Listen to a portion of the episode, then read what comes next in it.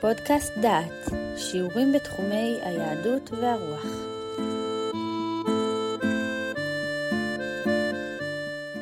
שלום וברוכים הבאים לחלקו התשיעי של הפודקאסט קיצור תולדות החינוך. בחלק זה ננסה לדון בשאלה האם ניתן להציע מודל פילוסופי, חינוכי, מחשבתי, לחינוך ערכי, לחינוך לערכים. כמובן שגם בהתמודדות עם השאלה הזו, על המורה להתמודד איתה בשתי רמות.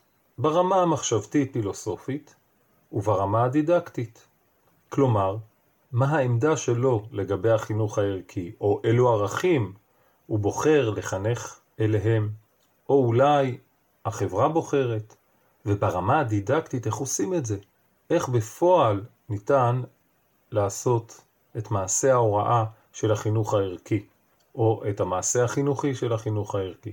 כמובן, לא ננסה לענות על השאלה הדידקטית בצורה ישירה, אך נציין שעצם הכרתו של המורה, המחנך, במהותה של הבעיה, ובאיזו גישה הוא נוקט כדי לפתור אותה, היא עצמה יכולה לעזור, לענות, הרבה תשובות גם בתחום הזה. מהבחינה המחשבתית-חינוכית, אולי הפילוסופית, הגישה האנטי-ריאליסטית מבחינה ערכית ספגה ביקורת רבה, מפני שהיא מובילה אותנו לשוקת שבורה ברמה הערכית. כמו שראינו בחלק הקודם, אנשים, פילוסופים, הוגים חינוכיים, התנגדו לערך כערך אובייקטיבי ובחרו בסובייקטיביים. הגישה הקלאסית המתמודדת עם השאלה הזו מבחינה פילוסופית חולקת על ההנחה הבסיסית שהערך אינו אובייקטיבי. גישה זו מכונה גישר המוסר האוניברסלית, והיא כוללת בתוכה מספר תת-קבוצות של אסכולות שונות. נציין כבר בתחילת דברינו שהפילוסוף החינוכי, נמרוד, פרופסור נמרוד אלוני, הציע למשל לראות במגילת זכויות האדם של האו"ם כבסיס ערכי אוניברסלי שאולי לאורו יש לחנך. תחת הגישה הזו של אותם המצדדים בגישת המוסר האוניברסלי, נמצאים אלה החושבים כי ישנו טוב אובייקטיבי, שניתן וצריך להגיע אליו, והניואנסים השונים נוגעים רק לדרך בה ניתן להגיע אל האמת והטוב שהם אובייקטיבית. בין אלה המנויים על גישה זו, מצויים כמובן אותם פילוסופים שכבר דיברנו עליהם, אפלטון וחבריו לפילוסופיה היוונית הקלאסית. אסכולה זו סבורה כי ניתן להגיע אל האמת הערכית בדרך אונתולוגית, כלומר תורת היש. בהקשר שלנו, של המחשבה החינוכית, של המעשה החינוכית, מבקשת העמדה הזו לגזור את תוקפם של הערכים ממציאות אובייקטיבית הקיימת מחוץ לתודעה של האדם, של הסובייקט. הערכים הם ישויות הקיימות במציאות אובייקטיבית, בין אם בעולם החושים, בין אם בעולם הרוחני, והם ממשות קיימת, כיוון שכך הם יכולים לשמש מושא להכרת מדעים. בתחילת הפודקאסט, כשעסקנו במחשבות החינוכיות, הזכרנו את משל השמש של אפלטון, המצביע על השמש כטוב העליון המאיר את העולם, או סמל האמת, והמחנך צריך לכוון את החניך, את התלמיד, להגיע אליו בעצמו. זה גם הבסיס למשל המערה המפורסם של אפלטון, שכל מחנך צריך להכיר. לפיו הטוב אינו גלום באופן טבעי בחניך, הוא גם אינו טריוויאלי, אך החניך, התלמיד, יכול להגיע אליו בהדרכה נכונה של המחנך או הפילוסוף שיצא וראה את האור. כלומר, אפלטון מטיל את האחריות בסוגיה הערכית שבה אנחנו עוסקים על המחנך. השאלה אינה פילוסופית לדעתו, היא פשוט שאלה דידקטית.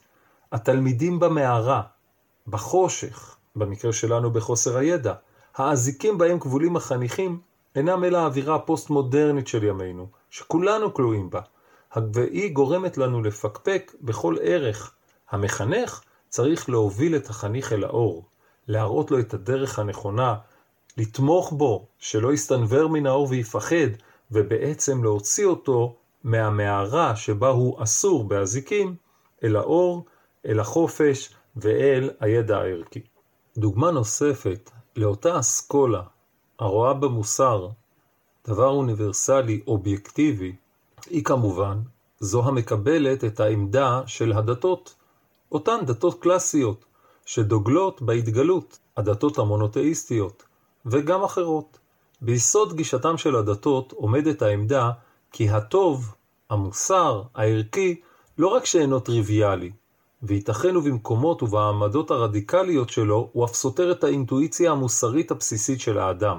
בדרך הזו, תוקפם של הדברים, של הערכים, והציווי שלהם, כמובן, נובעים מהחיוב או מהרצון והחוכמה המוחלטים של האל. משום כך, הם אינם משועבדים לשינויים מקריים של תנאים ארעיים, ואינם תלויים בהבדלים מקריים בין גישותיהם, רגשותיהם ותפיסותיהם של בני אדם, שהם כמובן סופיים, ועל כן הם מורמים מכל יחסיות וסובייקט. הם בעצם נצחיים. עמדה רדיקלית זו של הדתות יוצרת פרדוקס מסוים תחת המהלך של המוסר האוניברסלי. אחת הביקורות הקשות על העמדה הזו, על הסובייקטיביות שלה, נובעת מהעובדה שאנו יכולים לראות יסודות מוסריים אוניברסליים בסיסיים המשותפים לכלל התרבויות. אנו מוצאים כי רוב האוכלוסייה מקבלת את היסודות הללו באופן אינטואיטיבי, גם ללא הסבר לעמדות אלו. אך עמדת ההתגלות של הדתות גורסת כי האינטואיציה המוסרית הזו היא לעתים משקרת, ולא ניתן ללמוד ממנה על המוסר האמיתי, לפחות לא באופן מוחלט. בהגות העולמית, בפילוסופיה הקלאסית, העיסוק הוא בתכונות ובמידות של האדם השלם, ולא של מעשה ספציפי בהקשר ספציפי. לעומת זאת, הפילוסופים, ההוגים היותר מודרניים, מנסים להתמודד עם המתח הזה של הערכיות בעזרת התמקדות בשאלה מהו המעשה הראוי שחובה לעשותו, שהכוונה למעשה יחיד שנעשה בהקשר מסוים. בלשון היהדות, זה לא מהי חובת האדם בעולמו, לא איזה מעשה אחד כללי, אלא מה המעשה שראוי לעשותו בזמן מסוים. גישה אחרת, המציעה התמודדות עם שאלה זו, מבוססת על הגישה התועלתנית. הזכרנו אותה. זו גישתו התועלתנית בחינוך של ג'ון לוק. הזכרנו כי מטרתו החינוכית של לוק הייתה להכשיר את האדם הצעיר למילוי תפקידיו בחברה. אמנם, באשר לתפיסת המעשה המוסרי, הלך לוק בדרך אחרת מהגישה התועלתנית הקלאסית. העמדה התועלתנית הקלאסית מתעלמת מחינוך לטוב כמשהו מוחלט, אובייקטיבי, ובוחרת לחנך לדרך שבה הנער הצעיר ישיג את התועלת הגבוהה ביותר כמבוגר. עיקר הלימוד, גם לדעת לוק, הוא ברכישת הכלים המתאימים לתפקוד שאותו הילד יצטרך, ולא בתוכן עצמו. יתרה מזו, גם ראינו שלוק מגדיר לדעתו את החינוך לחשיבה נכון ואת השימוש הנכון בשכל כדבר עדיף מהלעטת הילד בידיעות. אפילו כאשר התיימר לוק להגדיר את האדם בעל המידה הטובה, מושג מוסרי לכאורה, הוא הגדיר אותו בצורה תועלתנית לחלוטין, ואני מצטט, זהו אדם המסוגל למנוע מעצמו את שוקותיו, לבטל את נטיותיו וללכת רק בעקבות מה שההיגיון מכתיב כדבר הטוב ביותר, אף שהתשוקה מושכת לכיוון הנגדי. ביחס לשאלה כיצד למדוד איזה מעשה או מטרה הוא מעשה תועלתני, הציעו אחרים את ההגדרה לפיה הטוב הוא השגת המטרות. כל מעשה נבחן על פי התפיסה התועלתנית באבן הבוחן הבודקת האם הוא מביא את הטוב הרב ביותר למספר הגדול ביותר של אנשים. אף כי בחינה מסוג זה כרוכה במספר בעיות מוסריות ואחרות, למשל, אם פגיעה אנושה באדם אחד מביאה תועלת רבה לאחרים, הרי שכאבו נבלע בחישוב הסופי. בעונג הנגרם לאנשים רבים יותר, ובכך מוצדקת הפגיעה בו, דבר שלא נוכל לקבל היום. לעומת זאת, אם נחזור ללוק, לאנשים ישנם זכויות בלתי ניתנות להפרה, שהן חלק ממשפט הטבע, ויש לשפוט את פעולות האדם מבחינה מוסרית על פי המידה שבה הן מכבדות או מפרות זכויות אלו. עמדתו של לוק מכונה האתיקה הדאונטולוגית, מפני שהיא מניחה שישנם ערכים טובים וישנם ערכים שאינם טובים, ואלה טבעיים ואינם משתנים. עמדה זו מפרידה בין הערך של עצמו לתוצאות שלו, ובכך היא נפרדת מהעמדה התועלתנית הקלאסית. בנוסף, בגישה זו ישנו ממד של חובה מוסרית, וזוהי למעשה משמעות המילה דאונטולוגיה ביוונית. אפשר לומר שהפילוסוף המשמעותי ביותר המזוהה עם הגישה הזו הוא אולי גדול הפילוסופים הדאונטולוגיים עמנואל קאנט. ביחס להגדרה של מהם אותם ערכים אובייקטיביים, ניתן לומר כי קאנט משתייך לאותה אסכולה של רציונליזם מוסרי. אסכולה הסבורה כי תבונת האדם היא המקור לתוקפם המוחלט של ערכים וציוויים. קאנט גם מציע התמודדות פילוסופית מעניינת עם אחת הביקורות המשמעותיות ביותר על הגישה הדאונטולוגית. המבקרים טענו כי במידה וישנם ערכים מוחלטים בצורה תאורטית, בניתוק מהשפעתם על המציאות, לא ניתן להציע התמודדות בהתנגשות בין ערכים. כך לדוגמה, כאשר רוצח שואל אדם היכן קורבנו, על האדם לענות את האמת שהיא ערך מוחלט. לאתגר זה נענה קאנט, אשר עדיין היה בחיים בעת שפורסמה ביקורת נגדו במאמר מפורסם על הזכות לכאורה לשקר ממניעים נעלים. בתגובה זו טען קאנט כי אכן זו חובתו של האדם לומר אמת אף לרוצח, טענה הסותרת את האינטואיציה המוסרית שחשים רבים. לגלות לרוצח היכן קורבנו כדי שירצח אותו? קאנט טען שאמירת האמת לרוצח הינה מעשה רצוי, מכיוון שלמעשה עצמו יש ערך ללא קשר לתוצאותיו.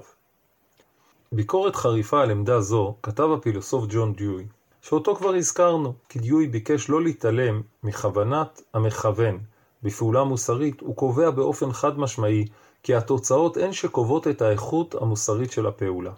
דיואי סובר כי הגישה הנכונה היא להעביר את הדגש במוסר מעקרונות מוחלטים ומתכליות קבועות לגילוי הרעות הטעונות תיקון במקרה מסוים ובמצב נתון.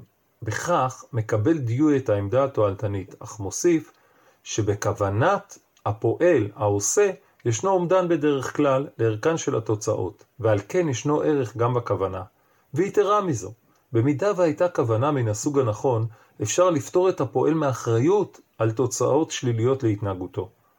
דיואי סבור שכשם שבמדע אין אמיתות נצחיות, כך גם במוסר הערכים חייבים להשתנות בהתאם לתמורות החלות בתנאי הסביבה החברתית. כך עלינו לבחון האם עקרונות שחשבנו עליהם פעם עובדים בצורה פרגמטית גם היום. באשר להגדרה של ההתנהגות הרצויה, מתנגד דיואי לגישות המנסות לפתח שיפוט ושיקול דעת או עיצוב התנהגות, ולדעתו יש לכוון לטיפוח של, ואני מצטט, נטייה של רצייה וחשיבה, המהווה גורם אורגני בהתנהגות גלויה. כלומר, מעשה מוסרי מונע מנטייה לחשוב מה יהיה הדבר הנכון והמוביל להתנהגות מתאימה. הדרך ללמוד נושאים אלו לדעת דיואי הוא דרך העיסוק השוטה בבעיות שונות, כמו שראינו, פתרון בעיות, תוך חתירה לפתרון מעשי של הבעיות. כך לומד הילד גם לצפות את תוצאות כוונותיו וגם כיצד למצוא את הפתרון הראוי. בעמדתו זו של דיואי ישנו מוקד משמעותי מאוד על הרציונליות שבמעשה המוסרי. כפי שכבר ציינו, קאנט הוא נושא הדגל של ההגדרה הרציונלית למעשה המוסרי. במאמרו הקלאסי מהי השכלה, מסתמך קאנט על ההנחה שאחת ממטרות החינוך היא ליצור אדם משכיל. הנחה שאינה מחייבת, אך בהחלט מקובלת מתוך הנחה שלא ניתן לא לחנך, ולהשאיר את כל ההתפתחות האנושית מאחור. לתת לכל דור לפתח את מה שכבר התפתח מחדש, ולהפוך את האדם ללא יותר מבעל חיים הולך על שתיים. כאן טוען שלחנך להשכלה לא נמדד בכמות. כמה השכלה יש לאדם. דבר זה הוא פחות ערך. חינוך להשכלה, לדידו של קאנט, נוגע ליכולת ולתעוזה של האדם להשתמש בשכלו, לשפוט את המציאות ולקבל החלטות. הוא מסביר שלולא חינוך כזה, אנחנו מגיעים לפרדוקס, המסתמך על הנחתו שאדם הוא אדם בשל עצמאותו הרוחנית. לכן, לו נחנך את האדם בצורה מעצבת לחלוטין, הרי שוב שהוא אינו אדם, כי הוא אינו עצמאי, ולכן אין לחנך אדם ולעצב את השקפת עולמו נגד רצונו החופשי. קאנט קובע כי מטרת החינוך היא לעשות ילד, יצור שאינו עצמאי במחשבתו, לבין אדם עצמאי במחשבתו. קאנט הוסיף כי לצורך העניין, התוכן הינו שולי ביותר, והחינוך לעצמאות הוא העיקר. כמובן שדבריו של קאנט יכולים להעלות חשש מסוים, ומה אם חינוכו העצמי של הילד יוביל אותו לפגיעה באחר? לא ניכנס כאן להשקפתו המוסרית המעניינת של קאנט, המכונה הצו הקטגורי, או האתיקה הקנטיאנית, אך ניתן להציע פתרון לבעיה זו בדרכו של פילוסוף אחר, שאותו הזכרנו רוסו, שכנראה השפיע רבות על הגותו של קאנט.